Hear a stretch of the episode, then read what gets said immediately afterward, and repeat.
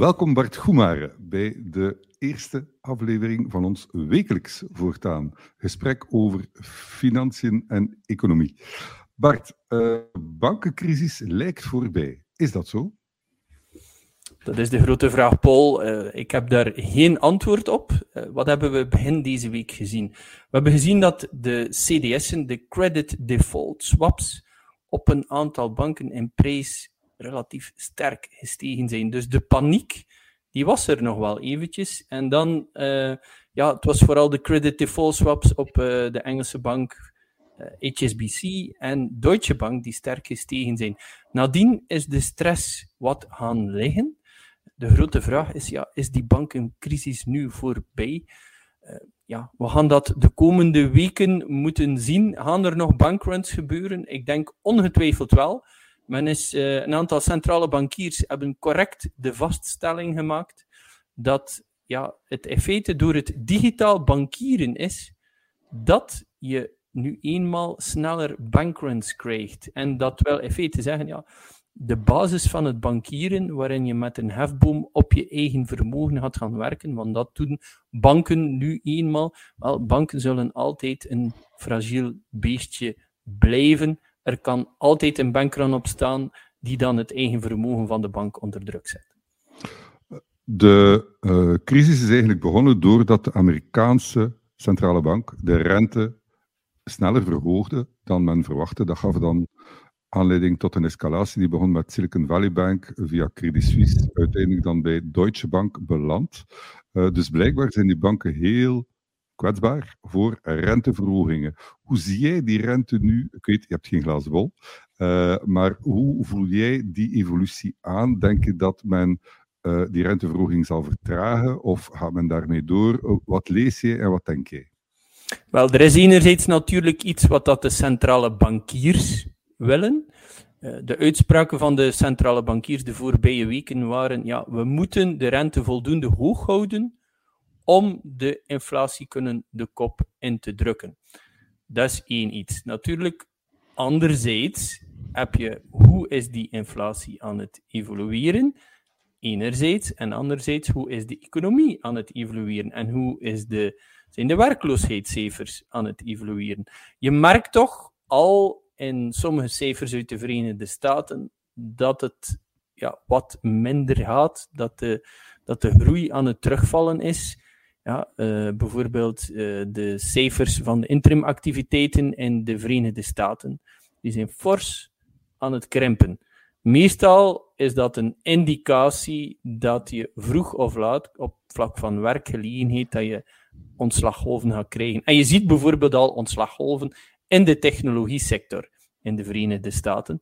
Ja, ik kan me toch niet van de indruk ontdoen dat je vroeg of laat, dat de centrale bankiers gaan zeggen, kijk, we hebben nu te snel de rente verhoogd, we gaan op de rem staan. Ja.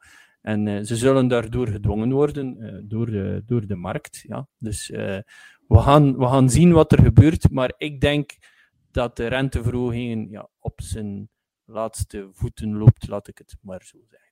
In principe zou dat dan goed nieuws zijn voor de beurs. Um, wel, in tegendeel, een concreet, Paul, een concreet um, voorbeeld van, van, van, van wat er gebeurt op de beurs is dan uh, Sofina, die met cijfers kwam. En daar, zijn, daar is toch wel, om zo te zeggen, slachtoffer gevallen. Uh, dat zag er niet zo goed uit.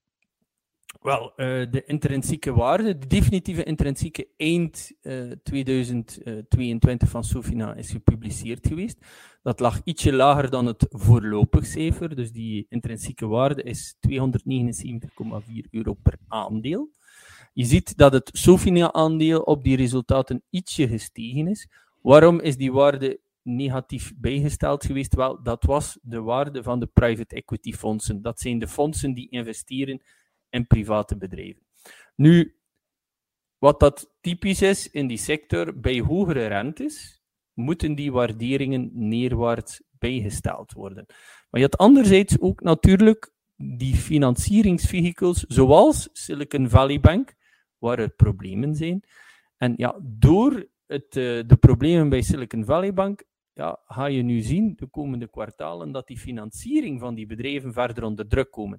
Dus de ja, laten we maar zeggen, de besparingsgolf in die private equity bedrijven, die ja, eind vorig jaar al in gang gezet geweest is, die gaat alleen maar verder versnellen. En de groei van die private equity bedrijven, die zal vertragen of die zal omslaan in een krimp, wat de waarderingen van die bedrijven opnieuw onder druk zal zetten. En daar zit hem net het probleem voor bedrijven zoals Sofina of een GBL, die geïnvesteerd hebben in private equity fondsen. Dus dat zijn fondsen die allemaal in ja, private ondernemingen uh, investeren. De mhm. beurs gaat ook lager gaan, want uh, je zegt ja, oké, okay, lagere rente is in principe goed voor, uh, voor de beurs. In het begin is dat in feite niet goed voor de beurs, want de waardering van de bedrijven zal onder druk komen, omdat de beurs zal anticiperen op een recessie. Dus als je al die factoren, factoren tezamen neemt, denk ik dat die intrinsieke waarde van die bedrijven, die allemaal in private equity en private equity fondsen investeren, dat die de komende kwartalen verder onder druk zal komen. Dus ja, hetgeen dat we nu gezien hebben bij Sofina is in feite nog maar het begin, denk ik. Uh, maar die, die private equity bedrijven, die, uh, um, die financieren zich op de beurs. En ik heb begrepen dat het via de banken dat men daar ook de vijs aan het toedraaien is. Uh, er was een, een aantal weken geleden sprake in kranten over kredietschaarste. Zie je die nog altijd doorkomen? Wordt het moeilijker voor bedrijven om te lenen bij de banken? Wel, je hebt twee dingen. Hè. Die private equity bedrijven die, die worden niet gefinancierd via de beurs, die worden gefinancierd via beleggers en door instanties zoals Silicon Valley Bank. Door het omvervallen van Silicon Valley Bank zal het financieren sowieso duurder worden. Door de, ja, de mini-bankencrisis die nu bezig is, zullen banken sowieso ook voorzichtiger worden. Combineer dat met een hogere marktrente. Ja, het zal voor bedrijven, ondernemingen en gezinnen sowieso veel duurder worden om zich uh, te gaan financieren. En uh, dat uh, zal in de vastgoedsector zo zijn, maar dat is ook voor commerciële bedrijven, maar ook voor particulieren zo. Welke sectoren zie jij dan voor in dit klimaat, die toch fundamenteel anders is dan uh, wat we het vorig jaar hebben meegemaakt? Welke sectoren zie jij dan als beloftevol voor de private persoon die zijn vermogen probeert te beschermen of in stand te houden uh, welke sectoren zijn volgens u die waar je vandaag het beste naar kijkt? Wel, wat hebben we vorig jaar gezien? Vorig jaar hebben we gezien dat de groeibedrijven, dat de waardering daar gigantisch onder druk gekomen is, net door die stijgende rente en door die anticipatie op de besparingen die in die groeibedrijven uh, gaan komen, waardoor dat de groei gaat verminderen, de groei gaat stilvallen of dat men zelfs dus het gaat gaan uh, krimpen.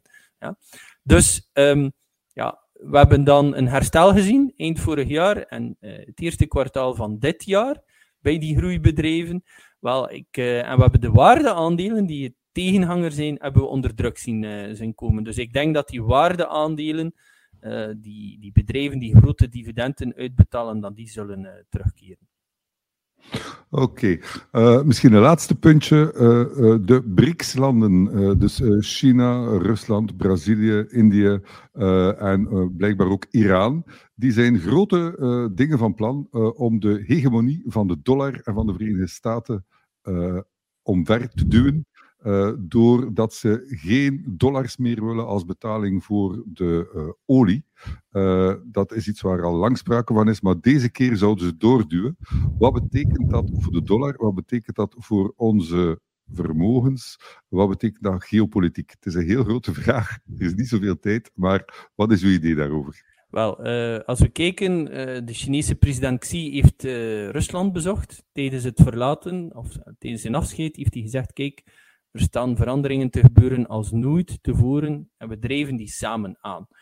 De BRICS-landen zijn aan het evolueren en die zijn aan het bespreken om nieuwe munt op te zetten die een combinatie wordt van hun eigen munten, waar dat uh, het goud als uh, reserve zou gaan dienen, dus uh, dat het gedekt wordt door hout. We hebben de voorbije jaren gezien dat de centrale banken massaal hout aan aankopen zijn, vooral uh, in die groeilanden.